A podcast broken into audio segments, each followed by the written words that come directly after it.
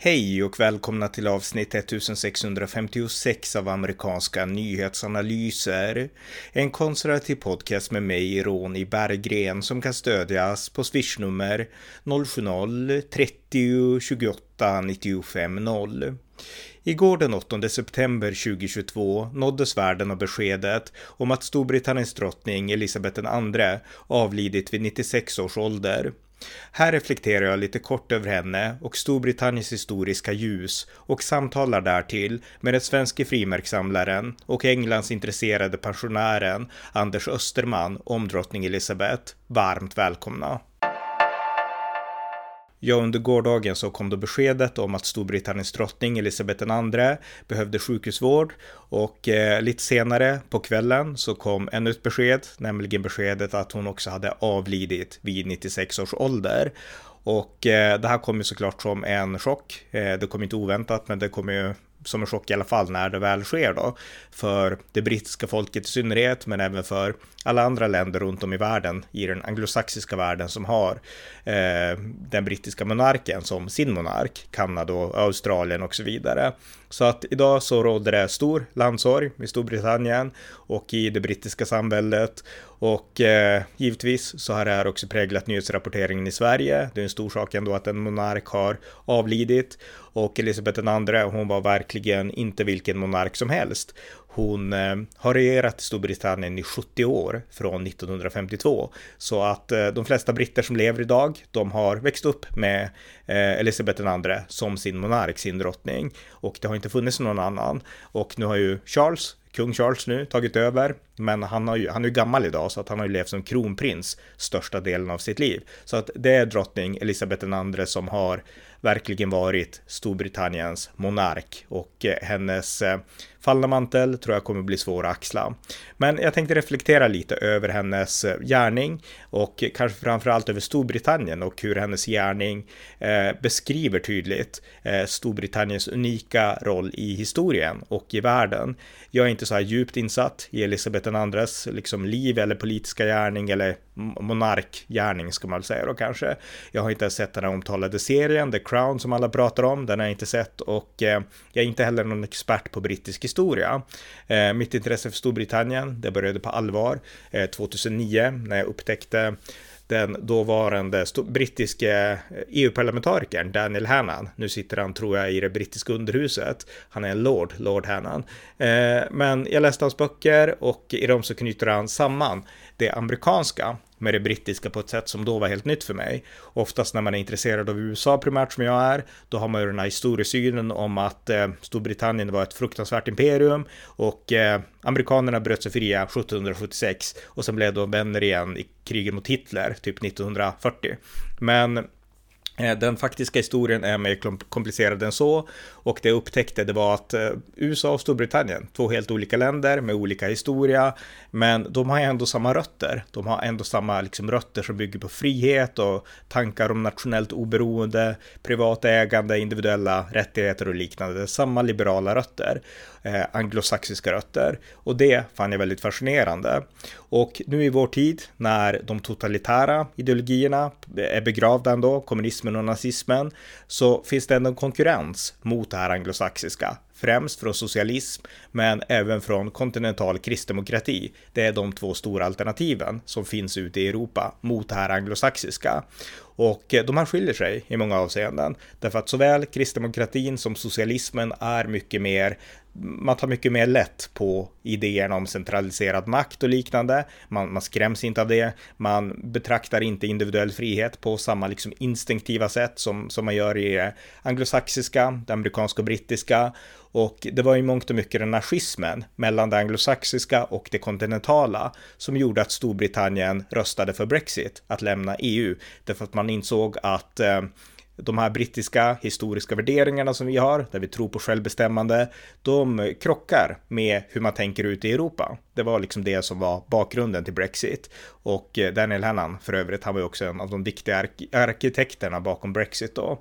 Eh, men eh, av den anledningen så tycker jag att det är viktigt att på något sätt få förståelse för Storbritannien, därför att jag tror att länder som Sverige, men även EU och länderna inom EU framför allt, skulle behöva orientera sig lite mer mot det brittiska och lite mindre mot Berlin och Bryssel. Det, det är min, min syn på vad som är en sund ideologisk utveckling för Europa, röra sig mer mot det brittiska. Så därför tar jag alltid tillfället i akt att försöka berätta lite grann om Storbritannien när jag kan. Jag är som sagt ingen expert, men jag försöker ändå ge de stora perspektiven som jag tycker saknas här i Sverige. För att här i Sverige så har vi lätt att fastna vid konstiga saker. Eh, det finns en klassisk intervju som eh, Stina Dabrowski gör med Margaret Thatcher. Jag tror att det är på, i början av 90-talet eller någonting. Och eh, då eh, undrar eh, Stina Dabrowski varför Storbritannien är så nationalistiska. Alltså man kan väl inte vara nationalistisk, det var det Hitler var. Försöker Dabrowski dra upp dem med, med, med, Margaret Thatcher av alla. Och eh, det man då missar i Sverige, det är att det här är två olika saker. Den brittiska nationalismen var den kraft som stod emot och vann över den tyska nazistiska, liksom imperialistiska nationalismen. Och sådana perspektiv missar man här i Sverige, för vi är så marinerade med socialismen och det socialistiska sättet att tänka. Och eh, på kontinenten så är man lika marinerad av kristdemokratin. Så att eh, vi, vi behöver de här perspektiven som finns i Storbritannien och USA, som finns i den anglosaxiska världen. Och det är lite det som jag försöker erbjuda i somliga i alla fall av mina poddar. Och ofta så har jag med mig min kollega John Gustafsson som har studerat och bott i Storbritannien, både på Irland och i England och, och så. Men han medverkar inte i det här avsnittet. Men han har lärt mig mycket om Storbritannien, om brittisk historia och sådär. Och han brukar säga att Storbritannien är eh, Europas fyrtorn, alltså det, det land som skänker kontinenten ideologiskt ljus. Och jag tycker att det är en perfekt beskrivning, eh, Europas fyrtorn. Och eh, drottning Elizabeth den andra, hon representerade det, illustrerade det med sitt liv och med sin gärning. Och eh, hon visade verkligen det som gjorde Storbritannien unik och, eh, och sådär. Och eh, jag menar, om vi backar eh, till tiden innan andra världskriget, då var det ju så här att man började tro att det brittiska imperiet, som dessförinnan varit det här imperiet där solen aldrig gick ner, därför att man ägde och styrde alla ändar av världen ungefär. Det var ju liksom den brittiska självförståelsen. Men det började komma upp tankar på att nu är det kanske dags för ett nytt imperium. Eh, det tyska imperiet. Britternas tid är ute, de har passerat sin peak och tyskarna håller på att liksom göra inträde. Och eh, bland de tankarna så kom nazismen. Det blev en liksom slagkraftig ideologi. Hitler tog makten och eh, det uppstod en fascination i stora delar av Europa, inklusive i Sverige, vissa fraktioner i alla fall, för nazismen som ideologi. Storbritannien, de insåg genast att det här är fruktansvärt och en stark röst var Winston Churchill som varnade för Hitler mycket tidigt och sa att vi måste gå emot Hitler. Eh, nu blev det inte så från början, för britterna var också väldigt krigströtta. De hade haft första världskriget ganska nyligt tillbaka och eh, det tog ett tag. Men till slut så vaknade Storbritannien, förklarade krig mot Hitler efter att Hitler hade invaderat Polen 1939 och eh, sen så var det Storbritannien som axlade ledarrollen i kampen mot Hitler och land efter land föll för nazismen. Eh, till slut föll, alltså alla mindre länder föll väldigt snabbt, somliga allierade sig med med Hitler som Mussolinis Italien. Och eh, mindre länder, de vart snabbt erövrade, Norge, Danmark och så vidare, såklart Polen och länder i östra Europa, eh, men sen även Nederländerna, Belgien och Frankrike då till slut som också föll. Och när Frankrike hade fallit 1940, då var det bara ett enda land i Europa som tydligt stod emot Hitler och det var Storbritannien under ledning av Winston Churchill. Och eh, Sverige, vi höll oss ju, vi duckade ganska mycket i Sverige. Vi spelade lite på båda sidor och vårt stora mål, det var inte att besegra Hitler, utan det var att vi skulle inte dras in i kriget själva. Men britterna, de hade det moraliska ledarskapet och de stod upp mot Hitler. Och eh, inför Londonbombningarna, för det var ju så här att Hitler pressade verkligen på. Eh, 1941 då skulle Hitler förklara krig även mot Sovjetunionen och bryta den fredspakt som hade funnits med Sovjet. Eh, därför att Hitler ansåg då att han var stark nog att kunna krossa kommunismen och erövra, erövra Moskva och liknande. Så att då inleddes operation Barbarossa. Men eh, 1940, då var det ändå så att Hitler var fri i ryggen därför att man hade den här fredspakten med Sovjet och eh, man hade lagt i princip hela det kontinentala Europa under sig. Och kvarstod Storbritannien, den här ön eh, i, ja, bortom Engelska kanalen. Och Hitler lät på att lysa den här lufträden när Luftwaffe bombade London och eh, Storbritannien insåg att det här är en kamp för vår självaste existens, insåg britterna. Och eh, Winston Churchill, han var ju känd med sitt tal att vi kommer aldrig, we will never surrender och vi kommer att kämpa på stränderna och eh, göra allt för att skydda våran ö. Och misslyckas vi så kommer liksom den anglosaxiska världen till slut att komma till vår hjälp, sa Churchill. Men det var inte bara han som tog ton mot Hitler. Det gjorde även drottning Elizabeth IIs pappa, kung George V, som höll tal. Eh, det finns en film som heter The King's Speech från 2010 tror jag, som handlar om hur han, som hade problem med stamning, till slut lärde sig att tala. Han tränade mycket och höll ett stort radiotal där han manade eh, Storbritannien att hålla ihop och stå enade mot den här tyska imperialismen. Och eh, en väldigt stark film om, om honom. Och han var kung, han avled i början av 1950-talet och hans dotter Elisabeth II tog det över som monark 1952. Och eh, Ja, så att hon kom in efter andra världskriget då, när Storbritannien hade visat att vi, vi kommer att stå emot det här, den här ondskan från Tyskland, oavsett vad det än kostar. Och det lyckades man med såklart, tack vare främst, tack vare att USA gick in i kriget, men också tack vare att Hitler var övermodig, som förklarade krig mot Sovjetunionen så att det öppnades en front även i öster. Hade britterna stått ensam så skulle tyskarna med all sannolikhet ha vunnit. Storbritannien var inte stark nog att stå emot Nazityskland ensamma, utan det krävdes krävdes både Sovjet och USA. Eh, och när USA och Sovjet kom in, då var det ju egentligen kört för Tyskland. Men britterna ensamma hade inte kunnat vinna. Men trots det så stod man emot tappert och liksom höll ändå det moraliska ledarskapet högt. Så att eh, det är en del av den här mäktiga brittiska historien och när kriget var över och när Elisabeth II tog över som drottning 1952, då var ju Storbritannien helt eh, ekonomiskt eh, sönderslaget på grund av kriget då. Och man klarade inte av att hålla ihop sina kolonier och liknande. Men drottning Elizabeth, hon höll ändå samman samväldet. Hon skapade ett brittiskt samvälde där man ändå hade stort inflytande och eh, där man var uppburen av gemensamma värderingar och liknande. Så hon höll i mångt och mycket kvar den här eh, rollen som Storbritannien har haft i världen även under avkoloniseringen kan sägas då. Så att jag tycker hon var väldigt intressant och eh, jag kan som sagt inte så mycket om detaljerna, men just det här ljuset, att Storbritannien har verkligen inneburit ett ljus för civilisationen.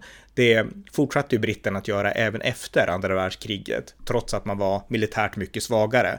Nu var det USA som fick axla rollen av att garantera fred på jorden och gå emot totalitära ideologier och eh, sådana saker. Storbritannien hade inte kraften att göra det, men britterna var ändå engagerade och moraliskt engagerade och eh, i kampen, oavsett i kampen mot kommunismen, det nya hotet efter Hitler, så liksom anförde ändå britterna ledarskap, även om de inte hade den militära styrkan som, som USA hade. Och eh, det gällde ju inte minst när Margaret Thatcher blev premiärminister 1979. Då var det hon som tillsammans med Ronald Reagan axlade det moraliska ledarskapet för att verkligen konfrontera Sovjetunionen. Deras mål var att Sovjetunionen skulle inte bara hållas i schack utan friheten skulle vinna över Sovjet, det onda imperiet skulle falla. Det var Thatchers syn på saken. Och det är inte en slump att det var just Thatcher som slöt an med Ronald Reagan, därför att Storbritannien har de här idéerna som till och från inspirerar de brittiska ledarna. Så att eh, Storbritannien har verkligen varit ett fyrtorn, ett ljus i mörkret. Och även när 9-11 attacken inträffade 2001 och eh, väst, anförd av USA såklart, förklarade krig mot, krig mot militant islam så stod Storbritannien på USAs sida och eh, av de europeiska makterna så har britterna varit en av de främsta att verkligen vara ute på frontlinjerna och besegra de här jihadiströrelserna. Eh, så Storbritannien har axlat stort ledarskap även där. Nu i samband med kriget i Ukraina så har Storbritannien också axlat ledarskap i Europa. Det är Storbritannien, Boris Johnson, med Liz Truss kommer att fortsätta det här, som har gett Ukraina och Zelensky det tydligaste militära stödet och som aldrig har backat och låtit sig skrämmas och liknande. Så att Storbritannien axlar fortfarande den här stora rollen som Europas moraliska men också militära stormakt. Och eh, det är någonting som man verkligen behöver förstå. Och eh, drottning Elizabeth, hon på något sätt med sitt liv och sin långa karriär som monark, hon representerade ju den här långa kontinuiteten från den brittiska historien, när Storbritannien verkligen var civilisationsbärare, till eh, avkoloniseringen, när britterna inte hade samma makt, men likväl behöll liksom den här förståelsen för det moraliska ledarskapet utifrån rötterna i historien. Det personifierades ju mångt och mycket av Elisabeth II tycker jag. Så att eh, jag är djupt fascinerad av Storbritannien och brittisk historia och jag tycker att hon, hon reflekterade den här historien bättre än någon, Elisabeth II. Och eh, man kan ju också tillägga att nu är John Cleese, den här brittiske komikern, han är ute och turnerar, han gör sin sista turné, han kommer hit till Sverige nu bara om några veckor och, eh, och så. Och han är väldigt känd då som en av de främsta brittiska komikerna och det Storbritannien också har gjort, förutom att man har besegrat totalitära härskare militärt, så har man också eh, visat att man i humorn kan driva och har rätt att driva med politik och med politiker. Jag menar, John Cleese personifierar ju det, att alltid kunna häckla med politiker och liknande. Och det är någonting som man inte kan göra i totalitära länder. Det är ingen som häcklar med Putin i Ryssland. Det är ingen som häcklar med Xi Jinping i Kina, utan då blir man straffad. Men i Storbritannien så kan man häckla med ledare. Och i Sverige så får vi också göra det och i liksom alla demokratier så får man det. Men det land som verkligen har en tradition av att göra det, en lång tradition, en flera hundraårig tradition till och med, det är Storbritannien. Så att mycket av vår egen politiska satir och så har vi ju lärt oss av den brittiska komiken, USA också såklart då, men, men även i mångt och mycket av, av Storbritannien och av komiker som John Cleese. Så att de har också den här äh, självdistansen till sin egen politik, de är ett imperium och eh, de är en moralisk stormakt, men samtidigt så måste man alltid kunna driva med makt. Och det har ju Storbritannien också varit bäst på. Och eh, jag tycker Elisabeth II, hon personifierar allt det här. Och nu när vi diskuterar världsläget, vi diskuterar kolonialism och liknande saker, så måste vi komma ihåg att de här historiska perspektiven är viktiga även för oss här och nu. Vi får inte bara låta dem begravas i historien, utan vi måste verkligen förstå att eh, Storbritannien är ett ljus och eh, någonting som vi bör fortsätta inspireras av, anser jag. Så att eh, Storbritannien är verkligen Europas eh, lysande ideologiska fyrtorn och ingen personifierade det bättre än Elisabeth II. Så God save the Queen kan man säga. Och så här avslutningsvis så tänkte jag alltså prata med en svensk frimärkssamlare och pensionär som heter Anders Österman som eh, lyssnar på min podd och som jag har fått kontakt med. Och eh, han berättar här om sin syn på, på Elisabeth IIs bortgång och eh, lite om sitt intresse för England och liknande. Så här är ett samtal med honom. Anders Österman, välkommen. Tack. Du är pensionär och du har ett stort intresse för England, Storbritannien och igår, så nåddes vi av det tragiska beskedet att drottning Elizabeth II har avlidit. Hon blev 96 år gammal, satt 70 år på tronen och eh, du är en Englandkännare kan man säga. Kan, kan du berätta lite först om ditt förhållande till Storbritannien?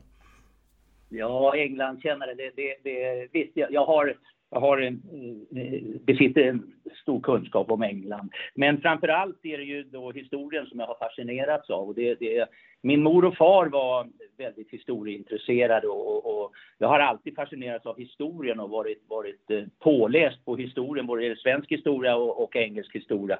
Och sen kom jag ju in med och började samla frimärken som, som ung och på, eh, i början av 60-talet och, och fastnade för de engelska frimärkena Eh, då speciellt då med drottning Elisabeth eh, på grund av deras eh, de var unika på det sättet att de var väldigt vackra, väldigt färgglada. Och så hade de långa serier där det började med de små valörerna och alltid slutade med pundmärken. Och de var alltid lite knepiga att få tag i de där. Och man lärde sig mycket med historien, och sen, eller med frimärkssamlandet och om historien. Sen så eh, eh, hände det ju mycket. Många av de här engelska kolonierna som de var från början i brittiska samhället, de slog sig fria och blev egna stater. Och det, då eh, med, med, kunde man se då på utvecklingen av frimärken hur de förändrades. Och Elisabeths bild som tidigare varit väldigt stor kanske blev väldigt liten i, i, i just på frimärket. Och det var väldigt en intressant tid faktiskt. Det, det var, jag har lärt mig mycket om och följt med drottning Elisabeth i, i, genom tiderna, genom tiden. Men, men hur lätt har det varit att hänga med härifrån Sverige? Jag menar, många som kanske växte upp längre tillbaks, det fanns ju inte internet och sådär. Och mig veteligen, nu är jag lite yngre va, men, men har man skrivit så mycket i Sverige om just det brittiska kungahuset? Jo, visst har man gjort det. Det har ju gått att se, det har, det har man skrivit väldigt mycket och det har ju varit lite återkommande. Jag vet, jag har jobbat som polis i Stockholm här och, och, och det var ett statsbesök här där hon var, jag undrar om det inte var på 80-talet hon var här i Stockholm. Först var hon ju 56 i Stockholm och sen eh, kom hon tillbaka på 80-talet och då var jag med på den kommenderingen och fick vara med i Stockholm och då stod det väldigt mycket. Och sen har hon ju en, en så att säga i, i, i, släkting med vår kung och det svenska kungahuset har jag också varit intresserad av genom tiderna och, och eh, eh, om hon inte är direkt släkt så i alla fall finns det på sidan som Brylling eller, eller Syssling eller vad det nu är så att säga med, med, med Bernadottehuset. Så det, det, visst har det gått att följa och jag har ju då genom mitt frimärksintresse har jag ju kunnat följa det. Vi har ju haft frimärksutställningar här i Stockholm och då har det varit besök ifrån engelska frimärkshandlare så det, det, det har gått att följa. Ja, ja, just det. Men hur kände du då igår när du fick besked om att hon hade avlidit? Ja, det är en epok. Det, det är liksom är, ja, vad ska jag säga, det, det är annorlunda. Det är en annan värld på något sätt. Hon har alltid funnits i, i, i, eh, i min tid och, och i mina vänner. Jag menar, jag är född 1950 och, och, och hon var ju född långt innan dess. Och hon har alltid funnits med. Eh, och, och, och, på något sätt så tycker jag alltid att hon har de problem hon har ställts för så kanske hon, eh, hon har på sikt har hon löst dem och, och kommit fram till goda lösningar eh, så att säga och, och, hon har ju varit en, en väldigt stabil, en stabil dam för en stabil kvinna regent för det engelska folket och jag tror hon är oerhört uppskottad och oerhört saknad idag. Mm. Och hon har ju regerat, som jag sa i inledningen, hon har regerat i 70 år och det är ju längre än de flesta monarker. Alltså det finns ju de som inte ens lever så länge, så att jag menar, hon har regerat otroligt länge i historien. Och eh, jag tror mm. den som har regerat längst i brittisk historia också. Jag tror ingen annan monark har suttit på tronen lika länge som hon då. Men, men jag tänkte, utifrån ditt perspektiv, vad har hon betytt för Storbritannien? För att jag och jag tror många som lyssnar, vi kan inte så mycket ändå. Vi vet att hon har suttit länge och så, men utifrån ditt långa perspektiv, vad har hennes betydelse varit? Ja, det är diplomatin och hur hon har kunnat eh, så att säga eh, eh, komma fram till bra lösningar och alltid, alltid satt det engelska folket först. Och, och, även om det kanske inte alltid har varit så att hon har uppskattat alla premiärministrar som har, har, har kommit och gått så att säga, så har hon ändå lyckats skapa en, en, en värdighet hos dem och en, en, vad ska jag säga, en styrka. någon att någon att kunna lita på, att hålla hand och alltid kommer med bra lösningar. Så jag tror att hon är oerhört uppskattad och det, det är nog svårt att eh, finna något liknande idag. Eh, det, man kan se det i The Crown, det framkommer ganska bra i den filmen, eller väldigt bra faktiskt. Den, den, den rekommenderar jag att titta på alla avsnitten. Ja, den serie, är det Netflix eller? Jag har inte sett den. Eller vilka, vet du vilka som producerar? Nej, jag vet Nej. inte riktigt jag, jag, jag, vet inte riktigt, men det går att hämta och, och den, eh, den, speglar ju hela tiden från början och, den, och också det eh, kanske små eh, slitningar som ibland kunde vara i början när, när eh, just det här att eh, hur hon satte eh, sitt ämbete i allra första hand. Det framkommer väldigt, väldigt bra i filmen. Mm.